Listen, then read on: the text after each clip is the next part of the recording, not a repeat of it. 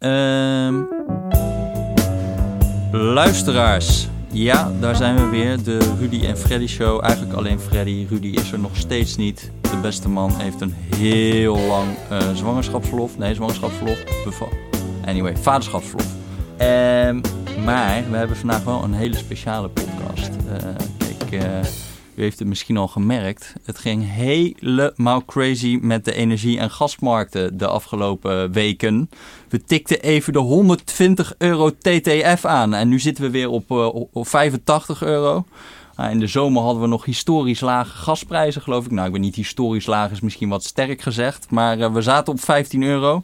Nu was het 120 euro. Dus alle gore bruinkool die kan nou weer aan. Die worden er allemaal weer aangezet.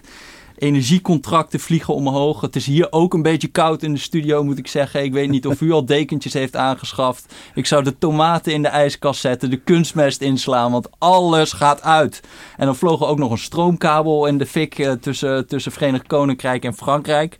En uh, ja, dat boeit ons Nederlanders natuurlijk wat minder. Maar daar vallen de energieleveranciers ook bij de vleet om, geloof ik. Dus het is complete chaos. Um, nou ja, dit zijn toch eigenlijk de momenten, denk ik altijd, dat we weer even in aanraking komen met de materiële basis van onze welvaart. En hoe weinig we daar eigenlijk van snappen.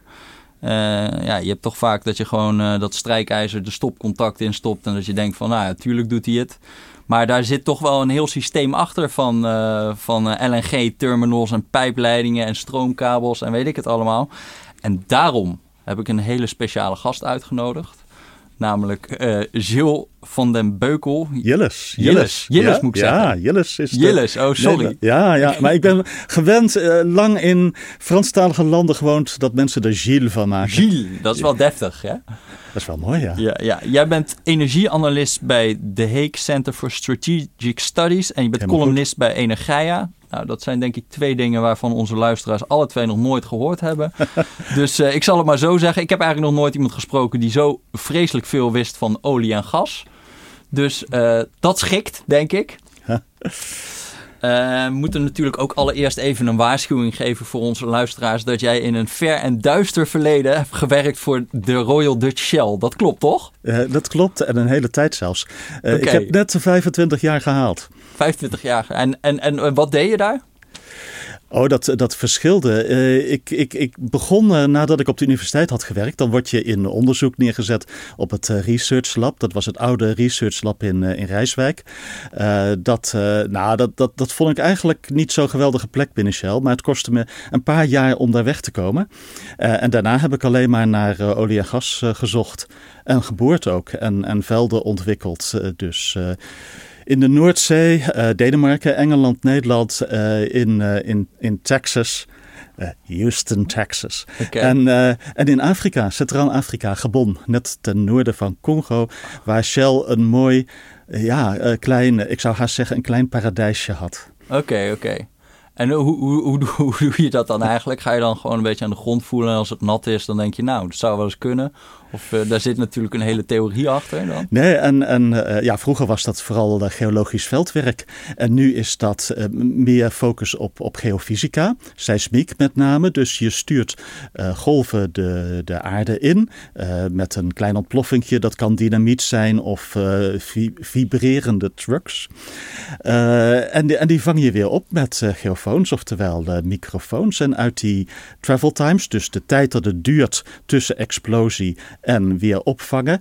Die golven die worden uh, gereflecteerd uh, in de aarde. Kun je een, een beeld vormen van uh, de ondergrond. Dus dan krijg je in ieder geval een idee van, nou waar zit er wat wij noemen een structuur. Oftewel een soort ja, bolvormig iets waaronder je olie of gas kunt, kunt vangen. Ja, en verder komt er een heel stuk nou ja, het nadenken, uh, putten misschien verderop, geologie van het gebied. Zou daar eerder olie kunnen zitten of eerder gas? Op sommige plekken is het prachtig dat je gas vindt. Uh, op sommige plekken is het een ramp, heb je er helemaal niets aan. Uh, mm -hmm. En zo. En ja, dan Dus, dus nou ja, en dat is de exploratiefase, vooral van het, het vinden van olie en gas.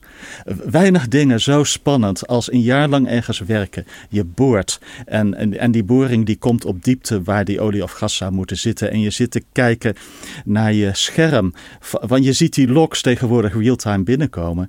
En, en je ziet dan van, nou ja, of uh, je vindt wat. Oké, okay, uh, prachtig, halleluja.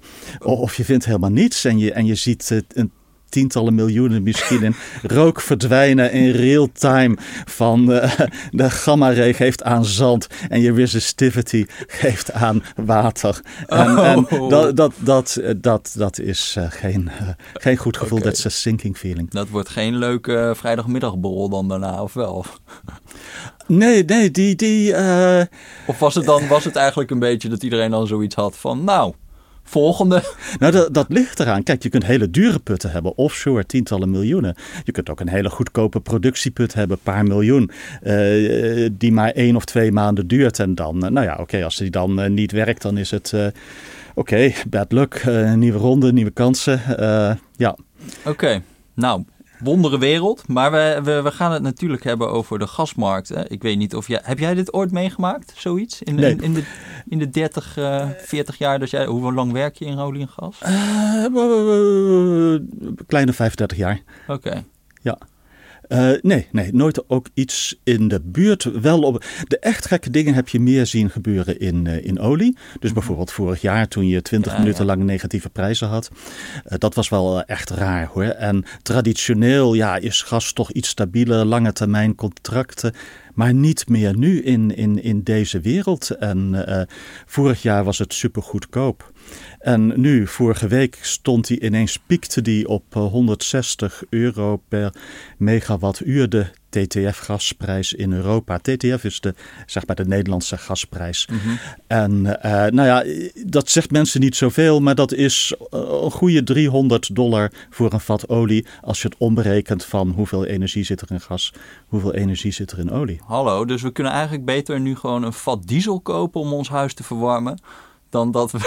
Dan dat we Als jij een generator dan even erbij koopt, uh, dat is ook al gauw 2000 euro hoor, generatortje. Oh, oh, oh. Maar nee, serieus, in Nederland zie je dat centrales niet doen. Maar in Azië wordt er nu vrij grootschalig uh, omgeschakeld uh, van gas naar olie. Want dat, dat kun je redelijk makkelijk doen voor de elektriciteit.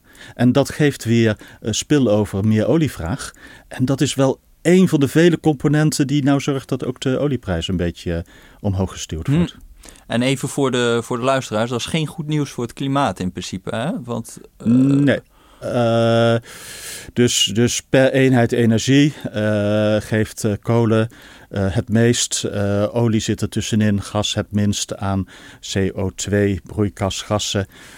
Met de kanttekening dat gas ook wel methaanlekkages heeft. Het ene gebied wat meer dan de andere. Maar over het algemeen kun je wel zeggen: ja, gas is echt wel beter dan olie en veel beter dan kolen. Ja, nou, die methaanlekkages, daar komen we denk ik nog wel op. Maar wat zijn nou eigenlijk de oorzaken van dat we nu in één keer zo'n bizarre gasmarkt uh, zien?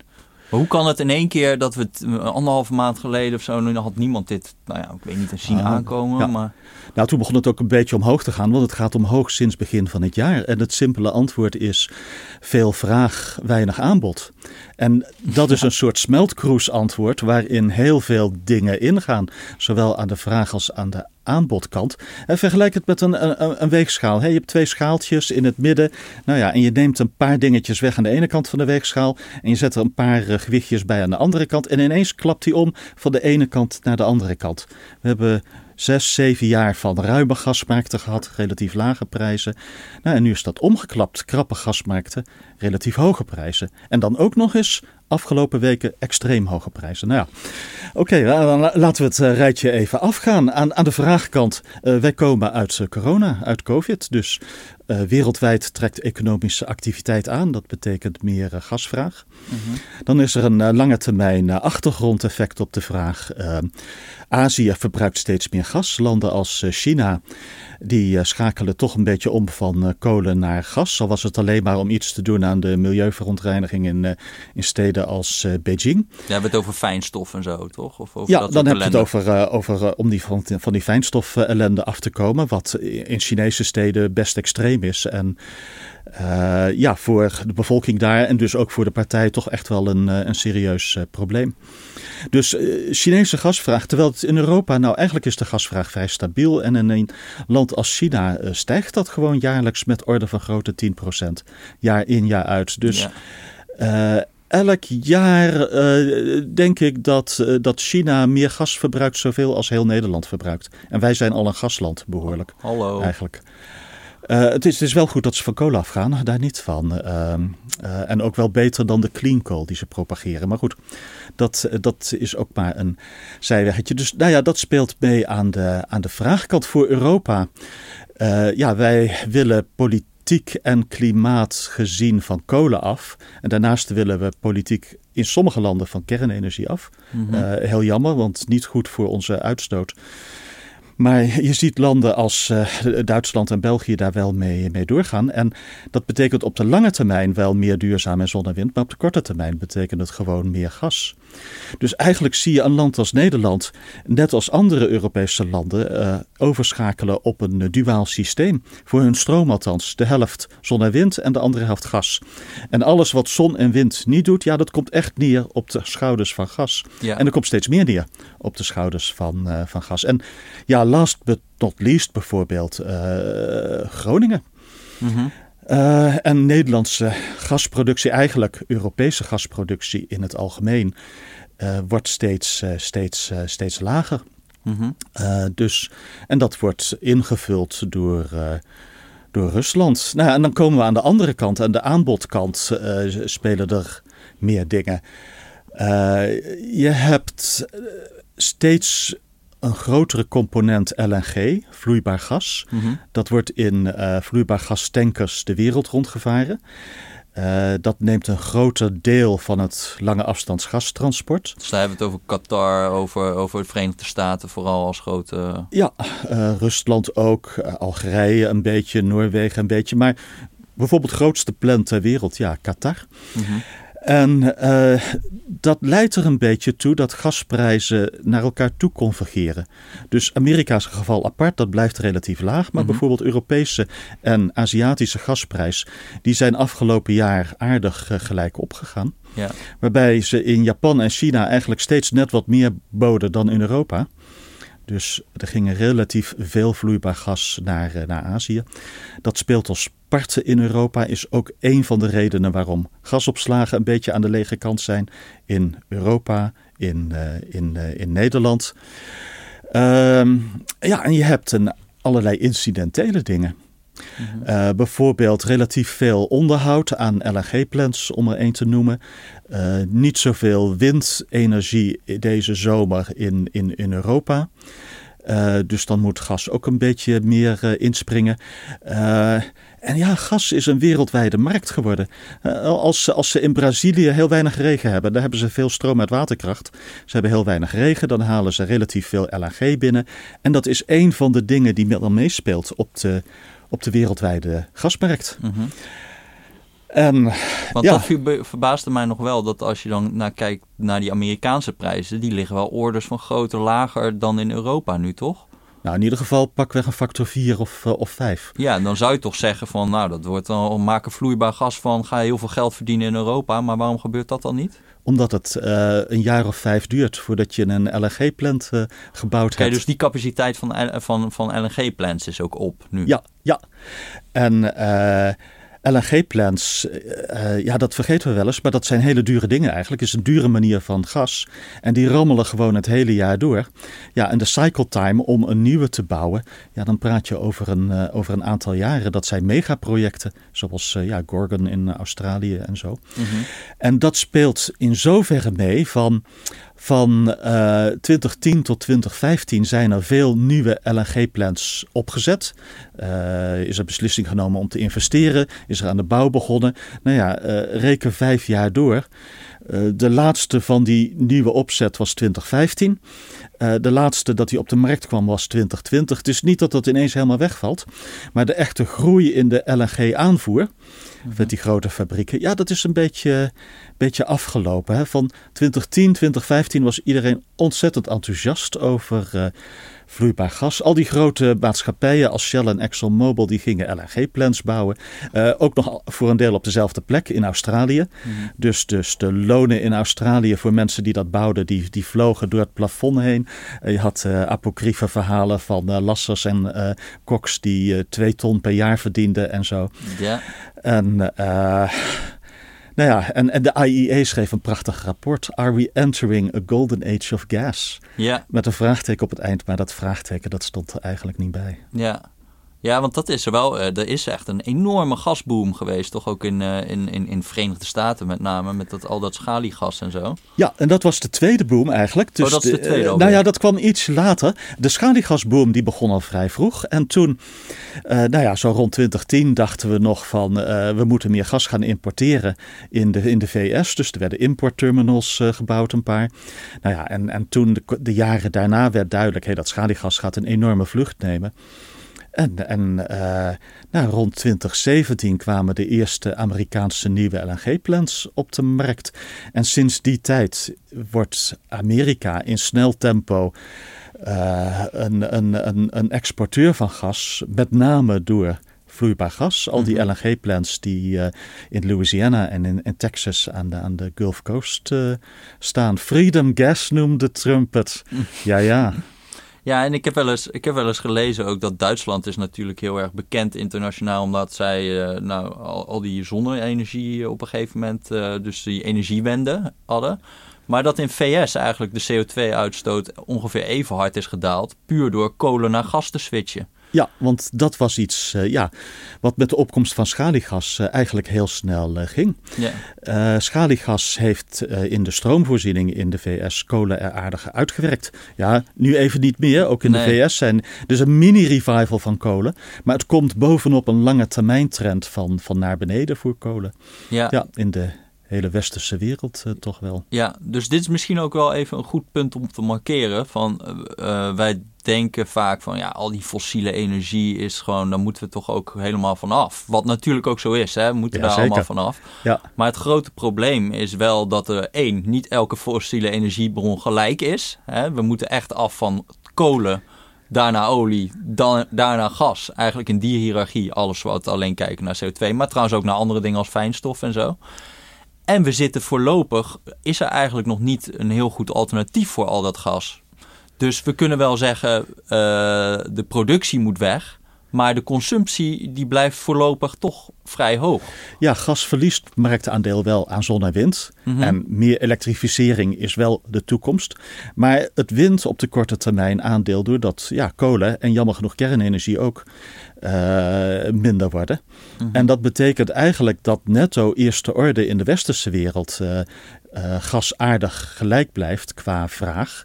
Ja, en in, in, in Azië stijgt het snel. Hè? Uh, een land als China is heel erg afhankelijk van kolen, 60% van hun energievoorziening. Ja, en als je daar korte termijn wat aan wil doen, kom je al snel op, op gas uit. En dat proberen ze ook in, in China. Het zij met eigen productie, het zij met import van vloeibaar gas, ja, of uit uh, Rusland. Mm -hmm. Ze hebben een, een, nieuwe pijpleiding, de Power of Siberia, vanuit Rusland nu naar, uh, naar China. Ja. Die, uh, die doet het nu. Ja. Hey, en um, is het nou in elk land zo... want, want nu, nu hebben we het over prijzen die dan heel hoog zijn. En nu was het, het geloof, zitten we nu op 85 of 90 euro of zo. Maar kopen we ook alles in voor die, uh, voor die prijs? Of hebben we lange termijn contracten? Of hebben we nog iets... Uh dat, dat verschilt. Het is net wat de aanbieder graag wil en wat de uh, vraag uh, graag wil. De, maar onze de Nederlandse koper. overheid of zo, die heeft niet een soort van strategisch nee, nee, nee. plan van we kopen, kopen in ieder geval dat we, in een, dat we de winter doorkomen, bij wijze van spreken. Nee, dat is echt uh, overgelaten aan de markt. En is dat in elk land zo of zijn we daarin uh, dat, uniek? Dat, veel landen is het markt, maar je hebt ook wel landen met meer overheidssturing uh, daarvoor. Ook in, ook in Europa wel. Dus um, om even één stapje terug te gaan. Het bijzondere van gas is, de vraag die varieert zoveel door het jaar heen. De vraag in de winter is zeg tussen de twee en drie keer zo hoog als, als de vraag in de zomer. Althans in, in, in, in een land als Nederland. Dus dat betekent van ja, je moet die enorme aan die enorme vraag in de, in de winter voldoen. Dat is eigenlijk met gas wel een grote uitdaging. Nou ja, daarvoor heb je uh, gasopslagen uh, die je de winter door moeten helpen. Dus je hebt twee aspecten. Je hebt het volume aan zich van gas mm-hmm. en je hebt die piek in de, in de wintervraag. En ja, je wilt aan beide voldoen. Ja, en beide is in wezen uh, marktwerking. Ja. ja. Oké. Ja. En is daar niet een een rol weggelegd van, nou ja, we, we willen toch wel een, een, een soort van verzekeringspremie misschien betalen met z'n allen, zodat het niet helemaal uit de klauwen loopt zoals we het nu zien? Of? Nou, dat is wat nu op tafel komt eigenlijk. Uh, wat we ook uh, in dat, uh, in dat HCSS-rapport schreven. Ja. Van kijk, dat systeem van marktwerking dat werkte prachtig, zowel voor prijzen als voor leveringszekerheid de afgelopen zeven jaar met ruime gasmarkten. Mm -hmm. Maar nu wordt dat nieuwe gassysteem voor Nederland, geen Groningen meer. We hebben ineens een heel ander gassysteem. Hè? Uh, en de kritische component daarin, ja, dat zijn eigenlijk twee dingen. Uh, de import van gas, kunnen we ons verzekeren van genoeg import. Mm -hmm. Liefst ook tegen niet al te hoge prijzen. En de opslag om de winter door te komen. Ja, en, en nu wordt dat nieuwe systeem getest, eigenlijk in heel Europa. Hoe, hoe werkt het zonder Groningen in, in krappe gasmarkten? En, en, en dat. Uh, uh, nou ja, dan zie je dat dat. Uh, oei, die prijzen stijgen veel en veel verder dan je verwacht had. Dat is afwachten hoe representatief dat zal zijn voor de komende, komende jaren. Ja, en je zag mensen afgelopen weken toch en, en, een beetje wel in de zomer al serieus benauwd worden voor, voor leveringszekerheid aan het eind van de winter. Aan het eind van de winter, als die gasopslagen echt leeg zijn, dan heb je een probleem. Dan, mm -hmm. dan ja, kun je geen gas meer leveren. Die kans is niet groot voor mhm. Nederland, maar hij is ook niet nul meer. En vroeger was die gewoon nul.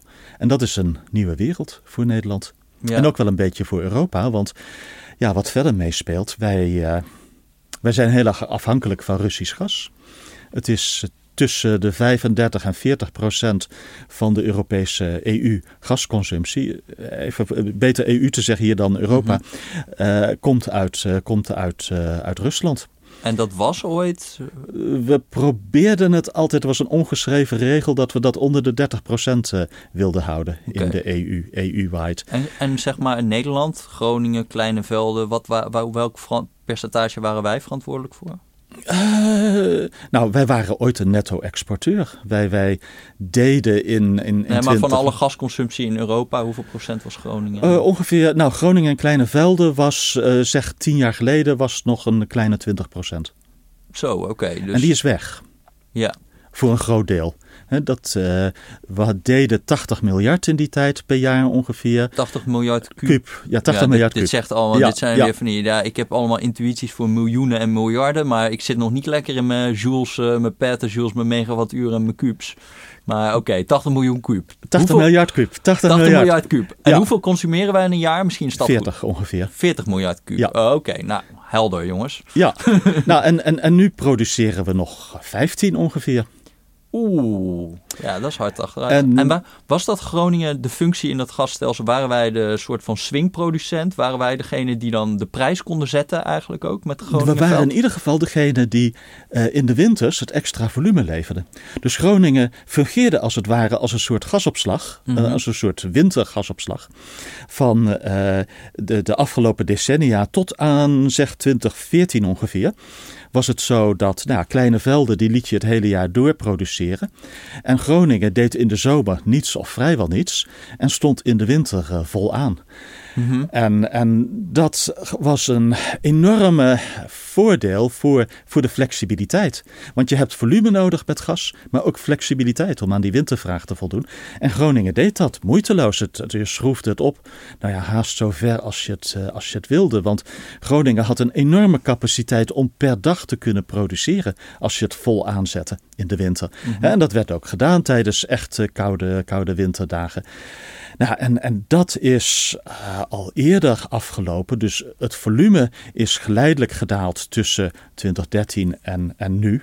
We hebben nu nog, doet Groningen komend gasjaar, doet het uh, 3,7 miljard of 3,9, zoiets in ieder geval. Ja. ja, het, het, het deed 40, 50. Uh, en die flexibiliteit, dus dat je het opschroefde in de, in de winter, dat is al in 2014 gestopt met, met uh, bevingen, de eerste fase van de bevingen na, na Huizingen. SODM had het idee dat als je vlak... toezicht voor de mijnen, ja, voor de mensen ja, sorry, die sorry. ja, ik, ja, ja, ik, ik, ja. Ja, zeker. Staatstoezicht door de mijnen. De regulator die uh, ontwaakte uit zijn diepe winterslaap in 2012 naar Huizingen. En uh, ineens uh, begon in te grijpen. En ook serieus begon in te mm -hmm. grijpen. En een van de eerste dingen die ze deden, behalve begin, begin maken van volume te verminderen, was ga Groningen door het jaar heen op een vlak niveau produceren. In plaats van een enorme piek in de winter. Daar waren toen heel veel discussies over of dat zou helpen of niet. Ja. Uh, in wezen zeiden de geologen bij de NAM dat gaat waarschijnlijk niet helpen.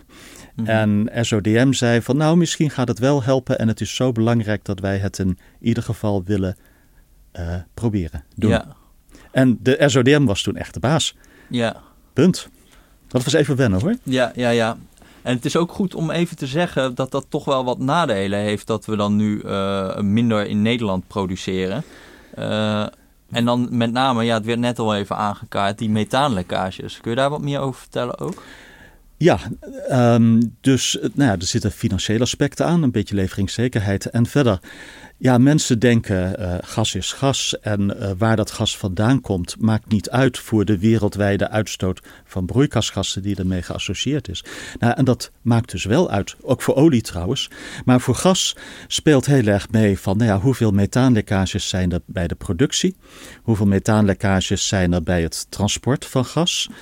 Uh, uit Rusland bijvoorbeeld, maar ook uit, uit Amerika, vloeibaar gas. Uh, hoeveel energie kost het om, uh, om dat gas naar Europa te krijgen als het geproduceerd wordt? Het zij in Siberië, het zij in, in, in Texas. Dus, dus methaanlekkage is gewoon aardgas wat uit, ja. uit de leidingen lekt. Eigenlijk lekkende ja. leidingen hebben we het dan ja. over, of niet? Ja, ja of uh, nou ja, meestal uh, een pijp lekt niet. Maar een aansluiting wel bijvoorbeeld. Een, put, een, uh, een, een. Een, een, dus wat er bovenop een put staat kan lekken. Een compressor kan lekken. een aansluiting kan lekken.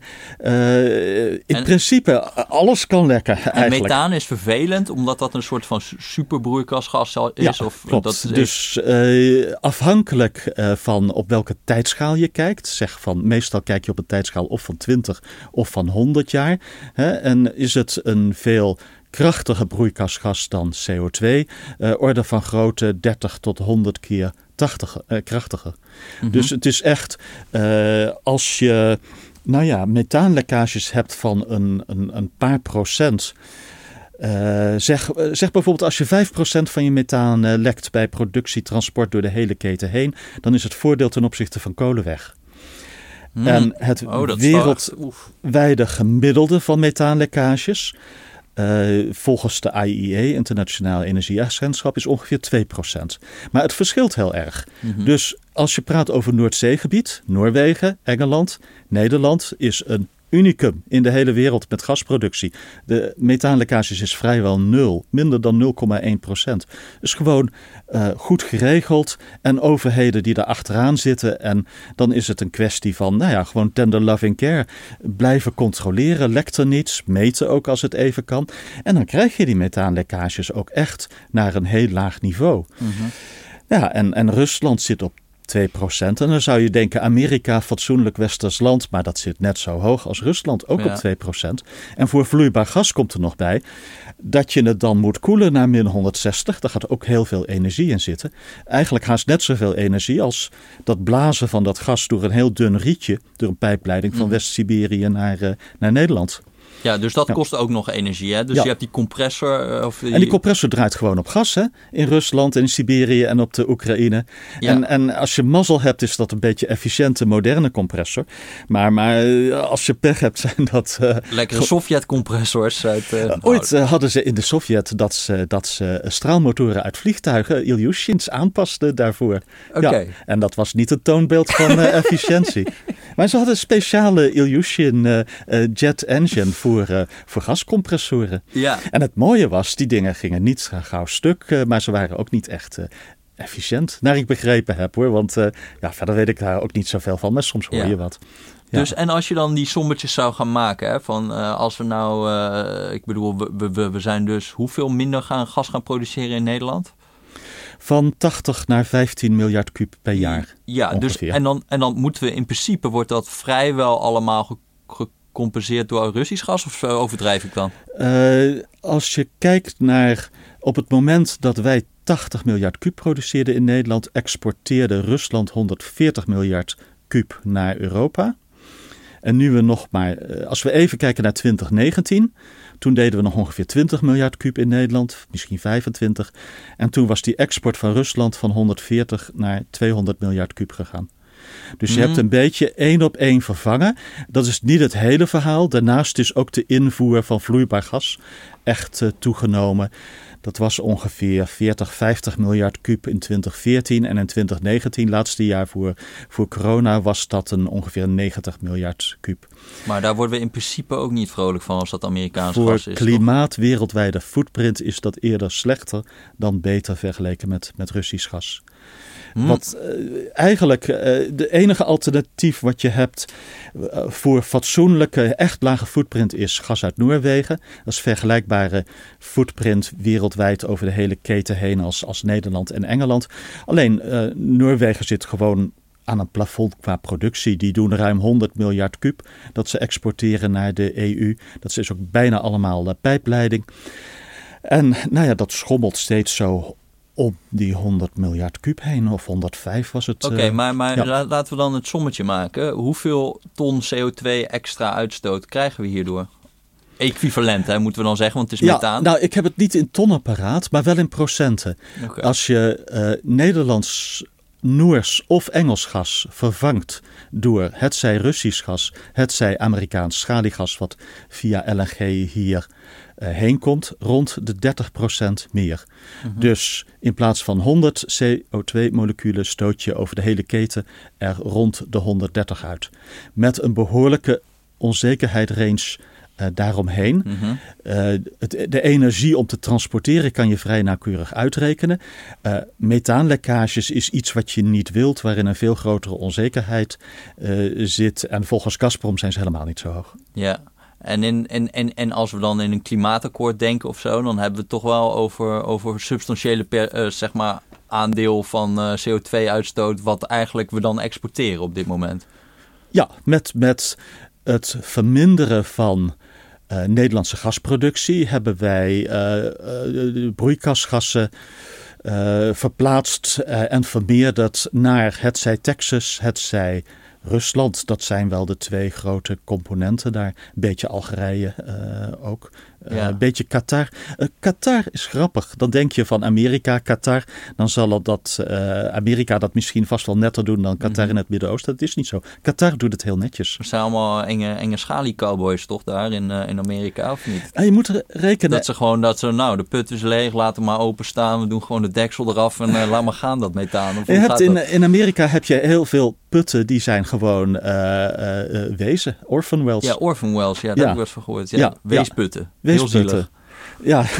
ja, vooral voor het klimaat eigenlijk. Ja. Maar als je pech hebt, dan, dan koop je een stukje land in Texas en dan, dan krijg je er een orphanput gratis bij. En soms lekker die dingen. En dan vallen je koeien gewoon dood neer omdat ze niet, geen adem meer krijgen of zo. Uh, dat, dat, dat zal wel meevallen, maar toch. Uh, kijk, Texas is wel, was een land van heel veel vrijheid en dingen niet goed geregeld. Je hebt een, een, uh, de, de olie- en gasproductie wordt geregeld in Texas door een regulator. Uh, nou ja, die heet niet Toezichthouder in het Nederlands. Toezichthouder, ja, regulator, toezichthouder. En die heet de Texas Railroad Commission, omdat oh. hij zich ooit tien jaar met treinen heeft bezig gehouden en daarna honderd jaar met olie en gas. En die Texas Railroad Commission, die geeft gewoon automatisch de, de license af dat je mag flaren, bijvoorbeeld gas wat je overhoudt bij de productie, afvakkelen. Ja, terwijl dat eigenlijk het liefst wil, uh, wil opvangen. Je moet het om de zes maanden verlengen. Maar, een van de dingen die je nu krijgt misschien is dat ze dat eens uh, eindelijk gaan aanpakken. Ja, want ik, wat, wat ik me daar een beetje aan verbaas is, het lijkt mij gewoon een vrij simpele business case van het zou toch, ik bedoel, je kan dus die methaanlekkages, die kan die methaan ook gewoon verkopen. Dat is aardgas, toch? Ja, ja. Dus, dat, dus waarom, waarom, ja, waarom... Dat, dat is dus ook wat het Internationaal Energieagentschap steeds zegt van uh, zeker de helft van die methaanlekkages daar zou je aan kunnen verdienen uh, als je dat gewoon uh, ja, beter, uh, beter deed. met twee kanttekeningen toch wel een beetje van, van ja, A, het staat niet bovenaan de lijst. Een, een boel van die olie- en gasbedrijven willen een hele hoge return on investment zien voordat ze echt wat, wat doen. Ja. En, en B, bijvoorbeeld in Rusland, vergeet niet, gas voor een lokale gasproducent ergens in Siberië is gewoon niets waard. Nul, nada. Mhm. Het is pas wat waard als je het in, uh, in Europa hebt. En er is maar één bedrijf wat dat mag, en dat is Gazprom. Mhm. Wat per pijpleiding mag, uh, mag transporteren.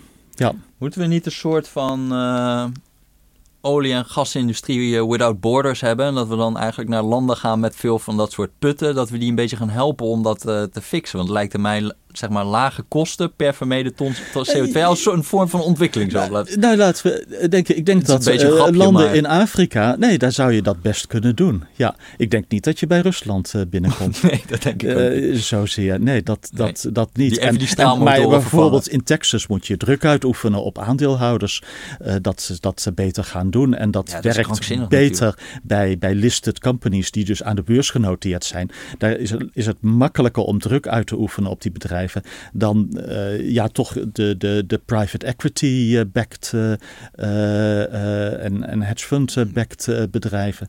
Ja. Die je daar steeds meer meer krijgt. Dus ja. wat je nu eigenlijk zegt is van je, je, hebt de grote, de grote oil majors of de grote olie- en gasbedrijven. Die, die namen die we kennen, Exxon, ja. Chevron, Shell, weet ik het allemaal. Nou, ja. Daar zijn we vaak heel fel op ook. Hè. Die hebben grote namen, die zijn, die zijn heel zichtbaar. Die zijn heel zichtbaar. Um, daar zeggen we nu eigenlijk een beetje van, die moeten heel erg hun productie gaan terugschroeven. Tegelijkertijd consumeren we natuurlijk allemaal nog wel heel veel gas en olie en, uh, en dat wordt nu een beetje overgenomen door iets meer cowboypartijen, private equity, of zeg ik het dan uh, te kort door de bocht? Dat is een beetje wat je nu ziet aankomen, waarvan mensen zich afvragen: zet die trend door? Maar als je de westerse olie- en gasindustrie dwingt om minder te produceren, terwijl de vraag gelijk blijft, en dat is mhm. wat er de facto nu gebeurt, leuk of niet, dat is gewoon wat er gebeurt, dan betekent dat je, dat je een stukje macht en productie en geld terugschuift naar landen als Saudi-Arabië voor olie en mhm. Rusland voor, voor gas. En dat, dat zie je nu ook, hè? want Rusland had 2015, 2020 in die ruime gasmarkten, nou ja, waren ze een beetje aan het stoeien met de Amerikanen om marktaandeel. En konden ze niet echt veel invloed uitoefenen op de prijs. Mhm.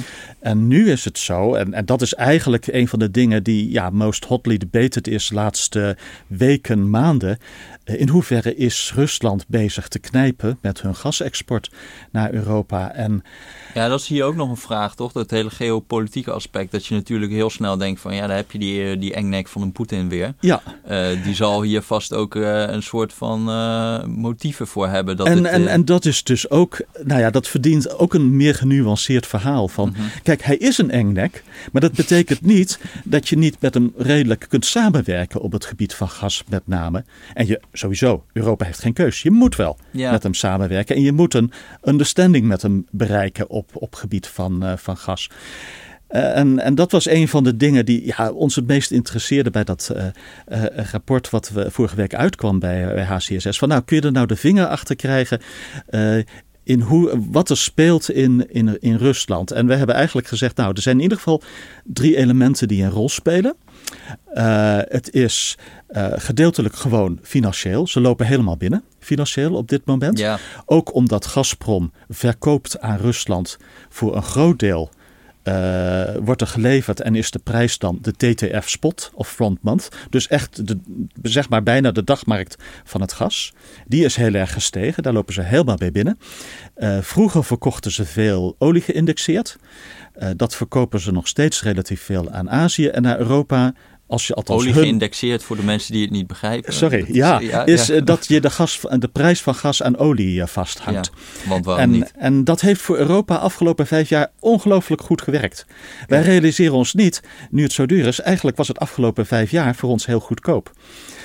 Nou ja, omdat het, uh, en, en, omdat het weinig olie geïndexeerd was. Maar nu uh, nu bijt dat ons uh, enorm. Uh, dus Gazprom's strategiepresentatie laatste paar maanden geleden zei: Nou, we doen nog 13% olie geïndexeerd prijs naar Europa. En voor Azië ligt dat veel en veel hoger. Mm.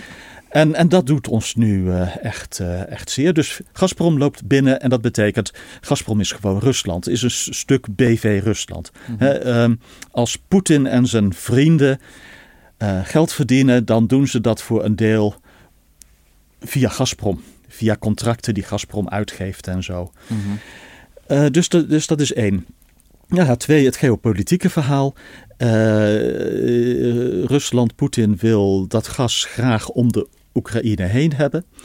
Uh, dus ze willen meer gas via Turkstream, die is gebouwd naar Turkije, en meer gas via Nord Stream 2. Dus er ligt al een. Ja, dat is de, de, grote 1. pijpleiding ja. waar iedereen het de hele tijd ook over heeft, toch? Van uh, moet hij er komen, moet hij er niet komen? hij, komt er. Soort, hij komt er gewoon sowieso. Hij komt er gewoon. Ja, ja. ja. Poetin wil dat, hij komt er. Maar er waren ook, Amerika had allemaal sancties en zo, omdat we dan dat niet mochten. Ja, sorry, dus twee jaar geleden waren die Russen bijna klaar met Nord Stream 2. Ja. He, ze moesten echt nog de laatste 5%, de laatste 100 kilometer bij wijze van spreken. Mm -hmm. En ze hadden een, een, een super efficiënte uh, pijpenlegger van, uh, van Allseas. Uh, gewoon Allseas is een Nederlands bedrijf. Ja, legaal is het Zwitsers, maar het is eigenlijk Nederlands gewoon. Okay, van okay. de familie Herema. Nou. Er is een ongelooflijk mooie, snelle, efficiënte pijpenlegger.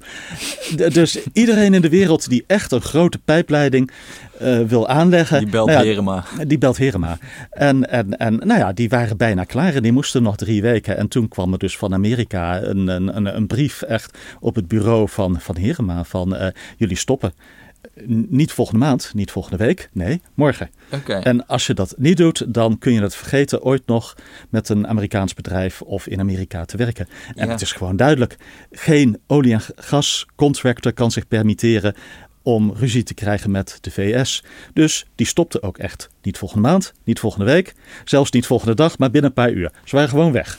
En de Russen wisten ook dat dat kon gebeuren. En daarna zijn die Russen twee jaar bezig geweest om dat met hun eigen oude meuk uh, klaar te krijgen. Weer. Nou, het is niet eens oud, maar ze hadden er gewoon uh, niet echt de juiste apparatuur voor niet de juiste pijpenleggers. Ze hadden er twee. De ene, ja, daar kon je bij wijze van spreken een stukje pijp door de Westerschelde mee heen leggen. En de andere, die uh, was bij Kamchatka en die werd niet gebruikt als pijpenlegger, de academic Tchersky. Die hebben ze de hele wereld rondgevaren. Die hebben ze aan moeten passen. Dat lukte niet goed en zo. Uh, dus, uh, ja, en die hadden ze wel gekocht ooit voor het geval dat dit zou gebeuren. Nou, dus dat was gewoon twee jaar martelen voordat ze Nord Stream voordat ze Noord. Dus daar zit veel oud zeer bij de Russen. Hè? Ja. Er zit oud zeer op twee gebieden. Dat ze twee jaar lang hebben moeten martelen om Nord Stream 2 af te krijgen. En het andere is dat de EU uh, de regulatie voor een pijpleiding die de EU binnenkomt, heeft veranderd terwijl ze Nord Stream 2 aan het bouwen waren. Dus uh, het is gewoon, je mag niet meer, uh, in simpele woorden gezegd, je mag niet meer en produceren en transporteren. Hè? En Gazprom, nou ja, dat is gewoon, die heeft alles onder één dak. Mm -hmm. Die produceert, die transporteert, die heeft de gasopslagen in Europa, ook in Nederland capaciteit. En die draait aan de kraan, waarmee ze grote invloed kan uitoefenen op de prijs. Moet ze gaan opsplitsen, Gazprom? Dus uh, Gazprom moet iets verzinnen. Waarschijnlijk uh, dat dat kan een legale constructie zijn die puur legaal is of zo. Maar in ieder geval, dat soort dingen speelt mee. En dan komen we bij het derde. Dus we hebben financiën gehad, we hebben geopolitiek gehad. En de Russen hebben ook gewoon een probleem om meer te leveren, te produceren. En dat is met name Gazprom. Alleen het is heel moeilijk om daar precies een beeld van te krijgen van die productieproblemen bij Gazprom.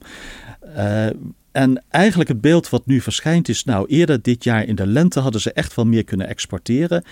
Uh, maar nu op dit moment hebben ze echt moeite om meer te exporteren. Dat heeft er ook mee te maken dat ze uh, nou ja, afgelopen twee jaar hebben ze meer geïnvesteerd in die export naar China. Dat gaat niet ten koste van gas naar Europa, maar wel ten koste van investeringen om de gasstroom naar Europa, die capaciteit genoeg op peil te houden. Dus even voor de duidelijkheid: het probleem in, in, in, in, in, in Rusland is niet is dat nou de productie of de transportcapaciteit? Beide een beetje. En ook de verwerkingscapaciteit. Want wat de Russen nu op dit moment doen, is ze hun oude gasvelden in West-Siberië, die, die 60 jaar geproduceerd hebben, 50 jaar, die nemen langzaam maar zeker beetje bij beetje af. Gewoon, die velden zijn zo oud, die mhm. gaan langzaam maar zeker iets minder produceren. Ze hebben genoeg reserves, maar ze moeten meer gaan produceren in andere gebieden.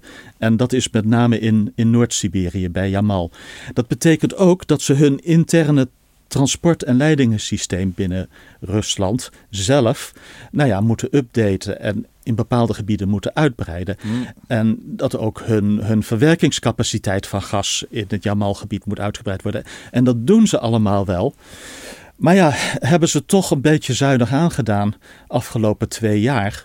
Ja. En verder hebben ze alles opgelijnd voor Nord Stream 2. Dat die nieuwe grote stroom daardoor heen komt. Dus dat is hun kant van het verhaal. Mhm. Daarbij komt ja, Rusland heeft altijd de afgelopen jaren gevraagd van geef ons nou alsjeblieft lange termijn volumecontracten.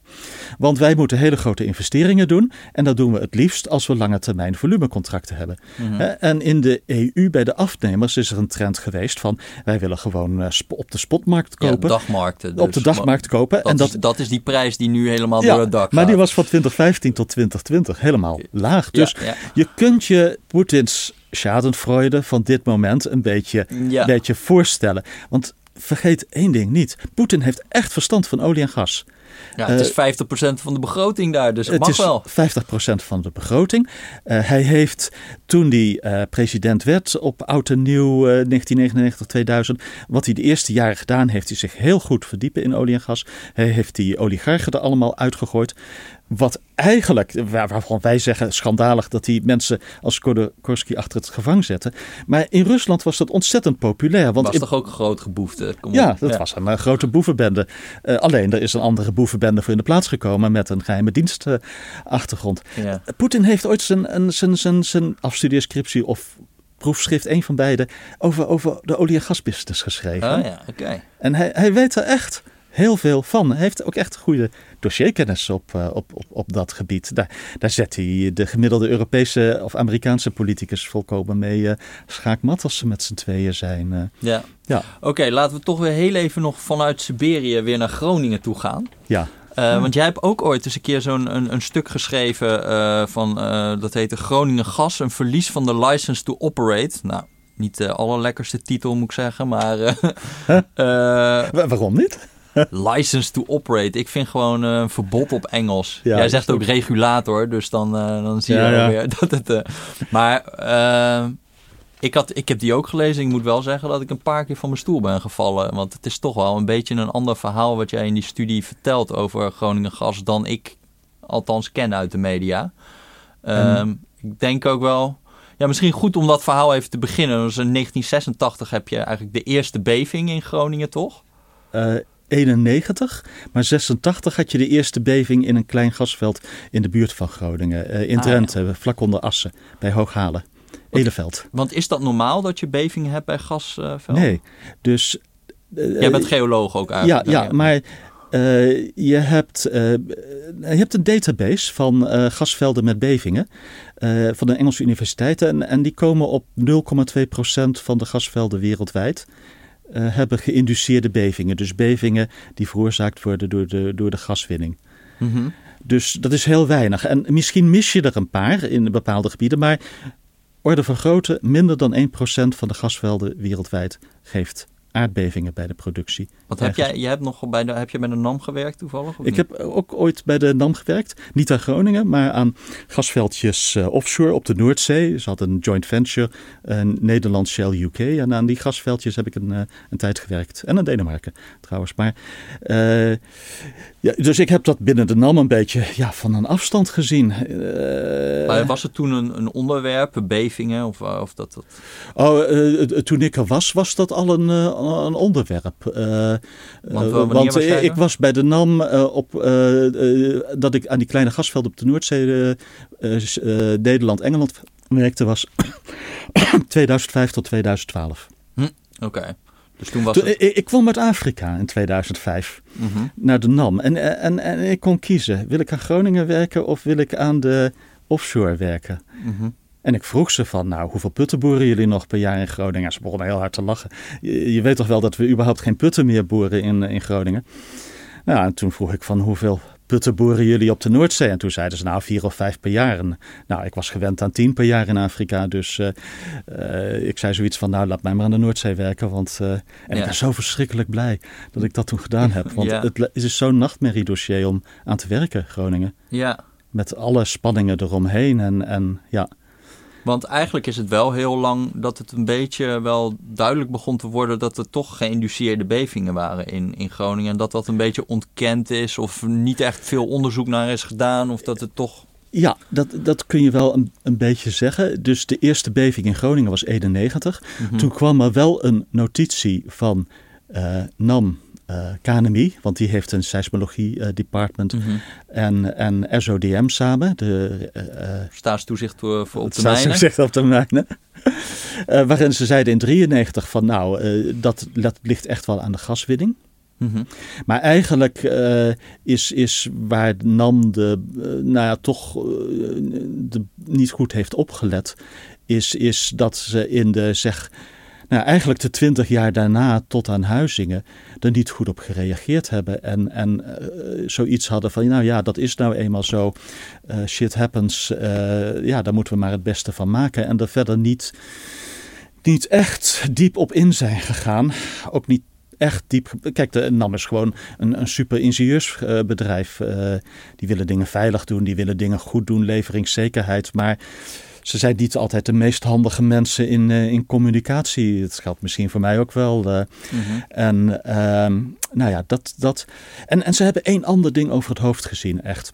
Mm-hmm. Het probleem bij Groningen is, uh, per eenheid gas die je produceert, wordt de seismische intensiteit, de hoeveelheid bevingen, de totale hoeveelheid seismische energie die vrijkomt, eigenlijk seismisch moment, wordt geleidelijk aan steeds meer. Mm-hmm. Dus in 91 had je zeg voor 10 miljard kuub een klein bevingje. Maar in 2000 had je 10 kleine bevingjes en een, een middelgrote. En in 2010 had je 50 kleine bevingjes en 10 middelgrote en één echt grote voor diezelfde hoeveelheid gas. Oftewel, het probleem werd steeds erger. Mm-hmm. En daar hebben ze te lang hun ogen toch wel voor gesloten. Mm-hmm. Ja. Dus, dus dat is ja, één stuk van dat uh, Groningen-studieverhaal. ja. ja. Want dan op een gegeven moment komt 2012 en dan krijg je eigenlijk voor het eerst een, uh, echt een, een, een, behoorlijk sterke beving bij Huizingen, toch? Je had eigenlijk in 2005 had je al een heel vergelijkbare beving. Oh ja? Oké. Okay. Ja, ja, ja hoor. Je hebt eigenlijk de magnitude 3 plus bevingen zo vanaf rond 2003 en 2005 wel.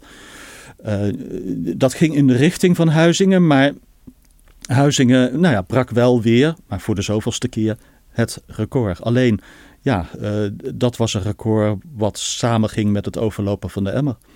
Nu mm -hmm. kan het niet meer. Ja. En wat bedoel je dan, de overlopen van de emmer? Dat, uh, nou ja, dat cumulatief de onvrede bij de mensen, de bezorgdheid bij staatstoezicht van de mijnen, die geleidelijk aan opgebouwd nu het, het, punt bereikte, nu moet er echt actie ondernomen worden. Mm -hmm. En dan krijg je eigenlijk ook dat er in één keer uh, uh, heel veel schadeclaims komen, toch? En, en veel media-aandacht door die, door die behuizingenbeving voor eerst. dat dan SODM ingrijpt. En vanaf dat moment, daarvoor was er een soort van productiecap die over tien jaar heen ging. Je mocht 425 miljard kub over tien jaar produceren. Mhm. en dat was dan over tien jaar verdeeld. Dus als het een keer koud was of het kwam met je goed uit, dan mocht je ook naar 50 gaan. Dat deden ze ook in 2013. Dat viel dus heel erg verkeerd. Ja. Dat was uh, geen, uh, nou ja, dat was gewoon niet handig. En um, dus, uh, nou ja, en vanaf 2014 is er een plafond in Groningen productie, wat geleidelijk aan steeds verder naar beneden gaat. En vanaf 2015 is dat eigenlijk ja, het maximum wat we nodig hebben om aan de vraag naar laagcalorisch gas, want het is Groningen kwaliteit mhm. gas, is iets anders dan andere soorten gas, om daaraan te voldoen, inclusief onze exportcontracten die in het verleden zijn afgesloten voor de export naar uh, met name Duitsland en een beetje België en, uh, en Noord-Frankrijk. Mm uh, mensen zien graag, vaak voor Groningen de grote omslag in, in, bij de beslissing van Wiebes om te stoppen, maar eigenlijk is de grote omslag in 2015 vanaf dat moment produceer je eigenlijk zo weinig mogelijk. Niet meer dan nodig is voor consumptie en export. En in 2015 gebeurden er ook twee andere dingen. Uh, omkering bewijslast -hmm. en uh, eh, Meidam-norm als, als criterium voor de versterking. Ja, dat moet je even uitleggen. Dus de, de, de omkering van de bewijslast was dat het in eerdere jaren zo was dat jij eigenlijk moest bewijzen van nou, ik heb een scheur in mijn huis of er is schade aan mijn woning. Ja. En jij moest kunnen bewijzen dat dat toerekenbaar was aan die, aan die aardbeving of voor een substantieel deel. Ja. Uh, en, en dat moest beoordeeld worden door de NAM. Dus ja. nou ja, je kunt wel nagaan, slagers die hun eigen vlees keuren. En dat, dat uh, zelfs als de NAM dat perfect had gedaan, dan was dat nooit aanvaard door de mensen. Zou ik ook niet aanvaarden als, als huivenaar met een, met, met, met een scheur. En de NAM deed het niet perfect. Ja. Bepaald niet. Dus nee. dat kwam er bovenop. Maar en jij geeft wel in, in, in die studie wel iets waar ik dus niet echt bij stil had gestaan. Maar dat uh, dus in 2012, daar heb je eigenlijk die grote beving. Dan komen er 2000 schadeclaims. Ja. En daardoor komt eigenlijk ook, ja, het, de emmer loopt over, zeg je eigenlijk ook. Nou ja, en je ziet en, dus vanaf 2015 dat ineens die schadeclaims de hoeveelheid explodeert. Ja, dus dan krijg je er 20.000 had je in 2015. En daar schrijf jij bij, maar in 2015 was er een kwart van de seismische energie vrijgekomen van in 2012. Ja, en dat is het probleem waar de NAM mee zit. En, en wat ja, niet boven de oppervlakte bediscussieerd kan worden. Gewoon omdat het zo gevoelig ligt. Maar je had in 2012 had je 2000 meldingen. Dat was een mooi cirkeltje rondom Huizingen heen.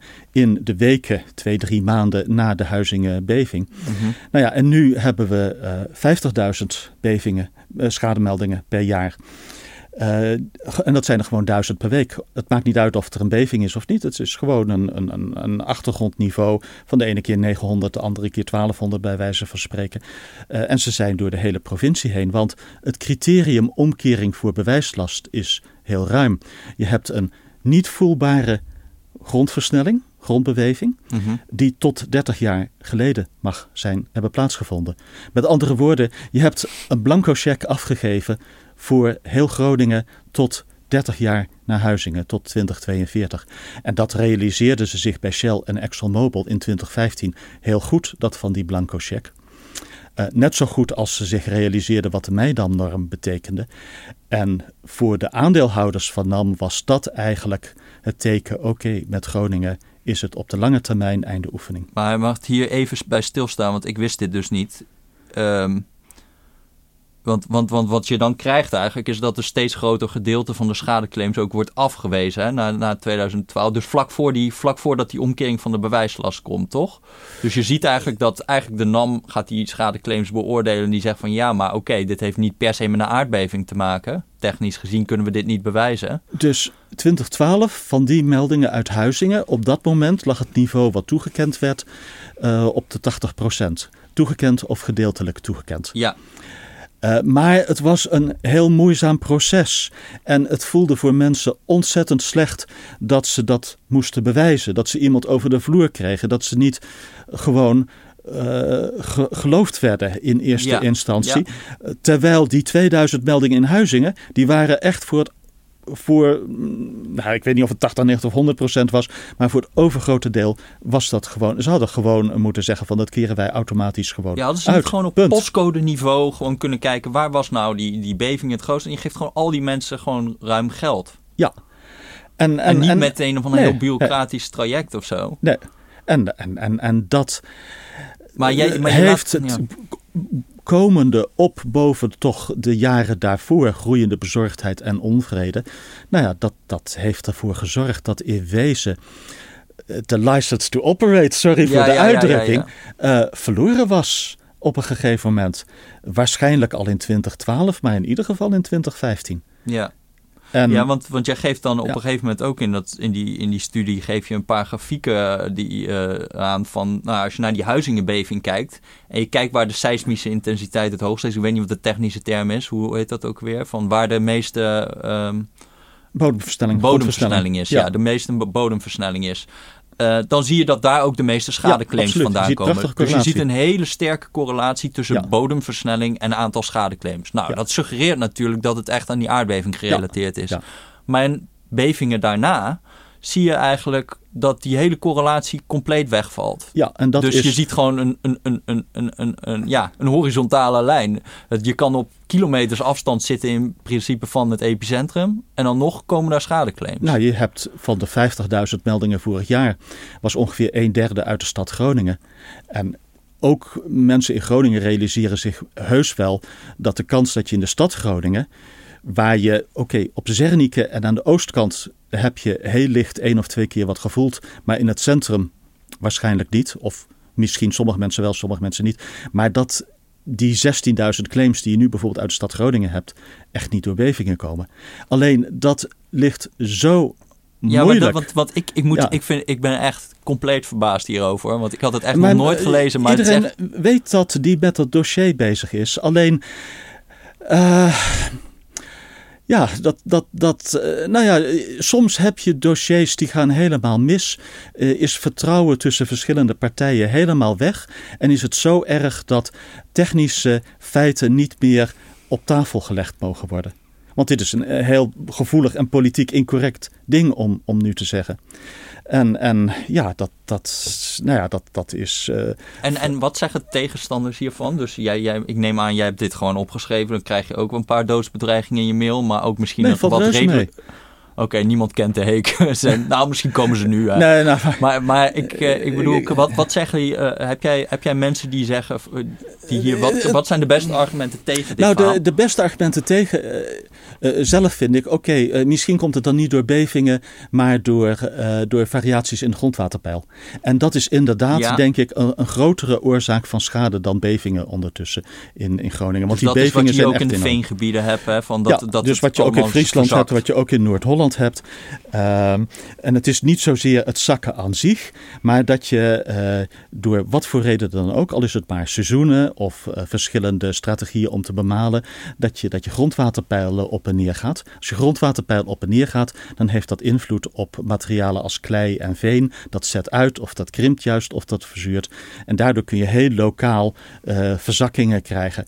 En, en, en dat is eh, waarschijnlijk ondertussen een veel grotere oorzaak van schades dan, eh, dan, dan bevingen bijvoorbeeld. Alleen, en dat speelt zeker mee in Groningen, alleen ja, daar is gaswinning een van de vele componenten die in variaties van een grondwaterpeil eh, terechtkomt, samen met nou ja, puur seizoenen. Eh, winter eh, grondwaterpeil is veel hoger dan zomer. Soms heb je een keer een, een hele droge zomer en dan, eh, dan gaat het nog verder naar beneden. Eh, bemaling is anders. En daar, als je omkering bewijslast gebruikt, nou dat is het duidelijk, dan moet je ook dat allemaal door, eh, door, eh, door de eh, NAM laten, laten betalen. Mhm. Want het criterium omkering bewijslast is heel ruim. Het is weliswaar nu aan, aan bevingen opgehangen, terwijl dat eigenlijk, nou ja, eh, achterhaald is eh, onder, on, on, on, ondertussen. Dus dat tot 2015 heeft de NAM, nou ja, echt de bol gedropt op zijn Engels. Sorry hoor, maar ik heb Ja, ja, ja, nee, is 25 niet jaar lang in een Engelstalige wereld eh, gezeten. Hebben ze, nou ja, niet goed gereageerd. Maar na 2015 heb je, een, uh, heb je een bedrijf wat gedwongen is heel veel geld uit te betalen aan dingen die ze in wezen niet of nauwelijks meer veroorzaken. En zo heel af en toe proberen ze daar wat van te zeggen. Nou ja, en ze hoeven van de staat op dat opzicht geen uh, hulp te verwachten. Want nee. ja, die vindt dit zo'n moeilijk dossier ondertussen geworden. Uh, dat die zich daar uh, niet meer met, met, met dit soort dingen in begeeft. En was ja. het niet een optie om, want we hadden het net over bijvoorbeeld op postcode-niveau uitkeringen doen. Kijk, ik bedoel, als je bij huidige ja, prijzen van spotprijzen zou zeggen van wat is de waarde van dat Groningenveld, dan hebben we ze over zulke absurde bedragen dat je je ook denkt van ja, dat kan toch gewoon kan je toch mensen die echt schade hebben gewoon een geweest, want flink bedrag ondertussen geven. het grootste probleem, mijn inschatting voor de Groningers, is echt niet meer uh, de veiligheid en zelfs niet meer de schades, maar het hele idiote bureaucratische systeem wat er omheen ja. is gebouwd, uh, waarin het niet veel uitmaakt of je schade hebt of niet, maar wel veel uitmaakt of je slim genoeg bent om door dat systeem heen te navigeren. Mm -hmm. uh, ja, had een simpel systeem gebouwd had mensen gewoon uh, een zak met geld gegeven, gebaseerd inderdaad op, op dingen als, als, als postcode. Voor een combinatie van dingen: uh, schade, overlast, uh, waardevermindering, huis. En had dat gewoon heel ruimhartig gedaan. echt ruimhartig en, en snel. Ja. -hmm.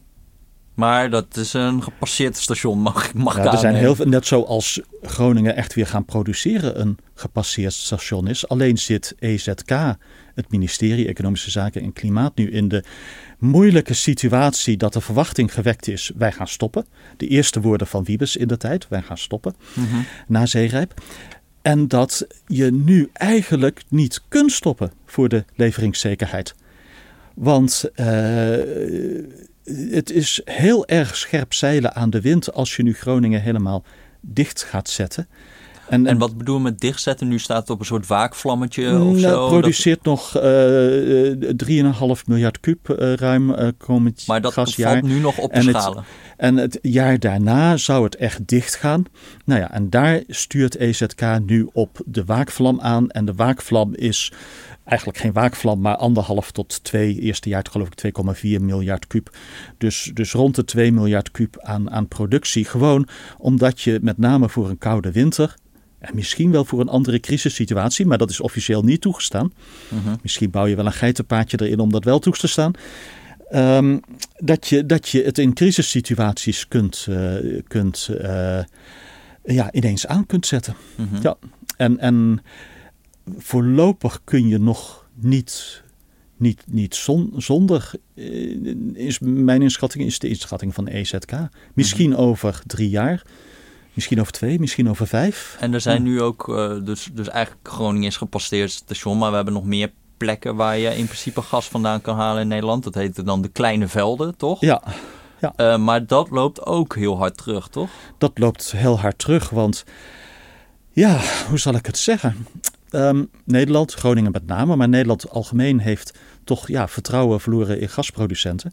Mm -hmm. Maar omgekeerd is dat ook een beetje zo. Ook al zeggen die gasproducenten dit niet hardop, maar Nederland is niet zo'n aantrekkelijk land meer om te investeren. En dat is een stukje geologie. Het wordt gewoon moeilijker om kleine velden te vinden, nieuwe. Je moet constant nieuwe blijven vinden om die stroom op gang te houden van de productie. Nou, dat wordt moeilijker. Um, niet onmogelijk, maar je, je, moet wel inventief zijn. Ja, dus een stukje geologie dat er teruggaat, een, een, een, een stukje belastingdruk, uh, dat, daar kun je echt beter in Engeland zitten. En vooral regeldruk. Mm -hmm. Dus als je iets vindt, je, je bent gewoon uh, jaren en jaren bezig om hier alle vergunningen binnen te krijgen. Nou ja, en dat is zo'n moeizaam traject dat echt kleine gasproducenten, kleinere firma's die heel snel uh, een doorlooptijd willen hebben. Nou ja, dan zeggen van nou, dan, dan gaan we gewoon naar Engeland. Uh, de, de, Noordzee is voor de olie- en gasindustrie één gebied uh, in wezen.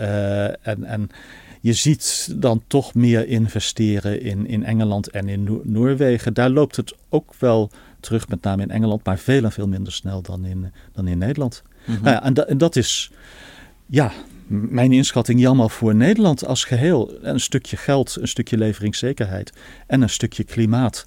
Omdat je nu de broeikas. Uh, uitstoot uh, die je associeert met productie en transport, nou ja, dat, dat exporteer je naar Rusland of naar Texas, waar het uh, tien of twintig keer zo hoog is. Ja, nou, daar mogen we sowieso wel vaker over nadenken, over ons handelen. En wat we, wat we dan eigenlijk, dat we onszelf op de borst kunnen kloppen dat we zo goed bezig zijn. Terwijl we in, in feite het gewoon het probleem exporteren. en dat is natuurlijk ook wel grappig. Hè? In Nederland is bijvoorbeeld dan geloof ik schaliegas echt totaal verboden. En dat kan helemaal niet. Maar dat, dat, komt allemaal uh, bij de vleet natuurlijk aan in Rotterdam. In die terminals uh, vanuit de putten die nog veel, veel, veel erger zijn dan hier. Ja, dat is natuurlijk wel beetje nou, pijnlijk. Nou, denk ik niet dat schaliegas in Nederland echt een optie was. Nee, Simpel. Nee, omdat ja, je kunt dat doen in West-Texas. is gewoon een leeg gebied. Je hebt te maken met één farmer en die heeft een boerderij van vijf bij vijf kilometer bij wijze van spreken. Nou ja, dat, ja, Nederland is gewoon veel te dicht bevolkt uh, daarvoor om, om, om schaliegas. Want het, het heeft een, een grote footprint gewoon qua trucks die op en neer rijden met, uh, met, met allerlei spullen. Dus hier spreekt de geoloog. Kansloos. Maar het is dus wel goed om daar ook even over na te denken van... Uh, oké, zolang wij dus gas consumeren, moet het ergens vandaan komen. En dan moeten we eigenlijk ook wel heel erg nadenken over of die plekken waar het dan vandaan komt... of dat geopolitiek heel erg fris is, of dat qua milieu heel erg fris is. En dat is, ja... Ja, en eigenlijk denk ik, de, de focus van de energietransitie, van de strijd tegen klimaatverandering, die we moeten voeren, die moet liggen op het verminderen van de vraag. Ja, daar kun je, uh, als je de vraag vermindert, boek je echte vooruitgang. Als je het aanbod vermindert in een land als Nederland, of bij de, voor de westerse olie- en gasindustrie in het algemeen, uitzondering de schadieboeren in Texas, nou ja, dan verplaats je het naar Rusland of naar Saoedi-Arabië. En dat helpt je niet, dat werkt averechts. Het betekent een hogere uitstoot van broeikasgassen door de hele keten heen. En het wordt duur en je verplaatst macht naar de, naar de Poetins eh, van deze wereld. Kortom, je moet geen blinde oorlog voeren tegen fossiel. Je moet een intelligente oorlog voeren tegen fossiel. Mhm. Je moet niet zeggen alle olie moet in de grond blijven. Je moet zeggen, op dit moment moet je de zware olie met een hoge footprint, het gas uh, waarvan het leidingssysteem zo lek is als een vergiet, dat moet je in de grond laten. Uh, en, en ja, dat. Eh, en, en dus. Eh, we, we, maken heel veel vooruitgang aan de vraagkant. Misschien niet genoeg, maar daar boeken we echt de vooruitgang. Mhm. Maar aan de aanbodkant, zeg maar wat een follow this eh, wil in deze wereld. Wat een Haagse rechtbank uh, vonnis toeleidt. Ja, dat, dat werkt averechts. Ja, mag ik jou dan toch als oud Shellman vragen... Wat, wat, wat vind jij dat zo'n oliemaatschappij anders had moeten doen? Wat zij beter had kunnen doen? Of voel je daar ook iets uh, vanuit financieel of vanuit moreel oogpunt? Uh, nou, vanuit moreel oogpunt laten we dat eens doen. Vanuit moreel oogpunt lees je in elk Shell-scenario uit de jaren 90 en 2000. Uh, er komt ooit uh, een tijd dat klimaatverandering echt op de radarscreen komt uh, bij de maatschappij. En dan zullen dingen echt gaan veranderen voor de olie- en gasindustrie. Het staat er niet in hoofdletters, maar het staat er wel in de voetnoten of in mm figuur 33 van die scenario's. Daar hadden ze meer de nadruk op kunnen leggen vanuit een moreel oogpunt. Vanuit financieel oogpunt is het begrijpelijk dat ze het niet deden. Ik bedoel, bedrijven zijn geen voorlopers, het zijn geen achterblijvers. Bedrijven als Shell, het zijn meelopers. Zij lopen mee in het tempo van de samenleving. Mm Shell loopt mee in het tempo van de bijvoorbeeld in de, in, de, in, in de lobby, ik weet niet, eh, daar weet ik niet genoeg van, heeft Shell daar ook echt uh, voorop gelopen om voor een C2-tax te pleiten of om voor... Nee, zeker niet. Maar ze hebben ook niet de twijfel gezaaid die je soms leest in, in verhalen, althans niet in de Nederlandse en Europese setting. Uh, ik, ik, bedoel, die, die twijfelzaaicampagnes, dan praat je over ExxonMobil in de Amerikaanse setting, in een republikeinse politieke wereld. Mm -hmm. En dat zie ik met de beste beste wil van de wereld niet dat uh, de Europese olie- en gasindustrie, dat praat ik even over BP, Shell en Equinor samen bij wijze van spreken en totaal in een Europese setting uh, gedaan hebben. Ze hebben, geen ze, hebben geen, ze hebben geen twijfel gezaaid. Ze hebben gewoon hun mond gehouden. Ze hebben gewoon ge eh, gedacht, in wezen net als in Groningen, uh, kijken waar het schip strandt. Ja. En daar kun je moreel je vraagtekens bij zetten, denk ik toch wel. Ja. Ik ook. Ja. We hebben eigen handelen. Ja? Ja, tuurlijk. Ik Want heb deel uitgemaakt van het sfeertje bij jou uh, in jouw tijd? bij Shell? Op, in welk opzicht? Nou, was dit een thema überhaupt? Of was dat gewoon, eigenlijk was je helemaal niet bezig met dit soort... Uh... Nee, was gewoon uh, hard aan het werken om de volgende put van de grond te krijgen. Mm. En je partners aan, aan, boord te krijgen die moeilijk deden. En te zorgen dat het veilig gebeurde. Ja. Uh, ja, dat maar vond ik altijd heel ironisch. Ik, het is wel zo. Je hebt het een enkele keer over gehad. Ik heb in, in 25 jaar Shell ben ik één keer een, een klimaatverandering ontkenner tegengekomen. Mm Bij de lunch. In Houston, of all places. Ja, tuurlijk, daar, ja. Ja, en, en, maar ik weet ook wat het tenue aan tafel was. Kom op zeg, doe niet zo idioot. Ik bedoel, iedereen weet dat dat zo speelt. Mhm. Dat er ooit klimaatverandering aankwam. Voor mij persoonlijk. Ik wist dat toen ik natuurkunde studeerde. Al, je ja. hebt iets van een broeikaseffect. En ooit gaat dat een thema en een probleem worden. Alleen op dat moment waren er meer urgente problemen. Ja. Eh, ik bedoel, eind jaren zeventig waren we bang dat er een, eh, een kernoorlog zou komen en een nucleaire winter. En achteraf kunnen we alleen maar zeggen, wat hebben we verschrikkelijk veel mazzel gehad dat die er niet gekomen is. Ja, nou het kan nog.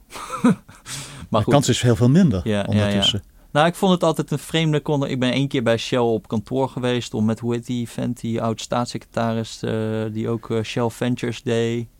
Ben, nee. Uh, Benschop, Dick Benschop. Ben, Dick Benschop, ja, daar ging ik toen een keer mee praten. en dan krijg je een soort van veiligheidscult van... Ik liep daar die trap op en toen ah, zei hij... Oh, rand vastpakken. Ja. Dus er is een heel erg, wat jij zei, veiligheid. Heel erg uh, nadruk ja, ja, daarop. achteruit inparkeren. Ja, ook dat? Ja, ja, dat ook. Ja. Nou ja, en dan tegelijkertijd dat je dan zo'n olie- en gasbedrijf... Ik weet niet, ik, het voelde... Het had een soort van iets... Een soort van contradictie die daarin zat. Zo heel erg bezig met individuele veiligheid... en tegelijkertijd gewoon... Ja, toch die brandstof die ons op termijn misschien gaat opbreken. Maar goed, ja, nou ja, je, je, hebt, dat is overigens iets wat alle olie- en gasbedrijven hebben. Je hebt heel erg de nadruk op veiligheid, maar soms kan het het afvinken van boxjes in een Excel-schijn in plaats van echte veiligheid. Echte veiligheid is dat je echt goed nadenkt als je een put gaat boren. En dat je dat liefst doet met een beetje goede boortoren, met een beetje goede crew. En, en ja, hoe duur een boortoren was, speelde natuurlijk ook wel een rol. Mhm. Ik bedoel, eh, we weten allemaal wat er met BP is gebeurd in Macondo. Dat heeft bijna die dat, company... Dat weet helemaal uh, niemand, uh, Ja, dat weten mensen. Oké, Macondo. Wat Macondo, is... oh, dat is Golf van Mexico. Oh, die, Deepwater ja, Horizon. Ja, Oké, okay, sorry, Horizon. Prospect heette Macondo. Oké, in, in, in mijn wereld heet het Macondo.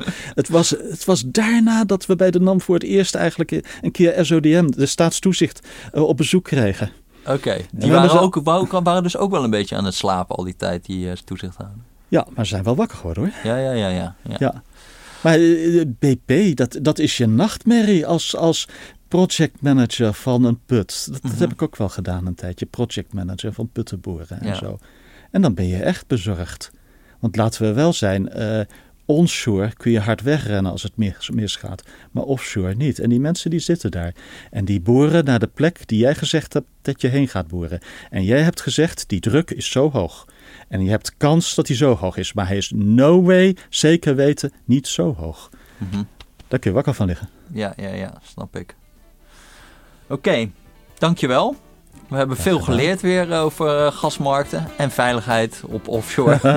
Gesloten wereld. Ja, ja, ja. Loopgraven, daar zitten de olie- en gasmensen in. Ja.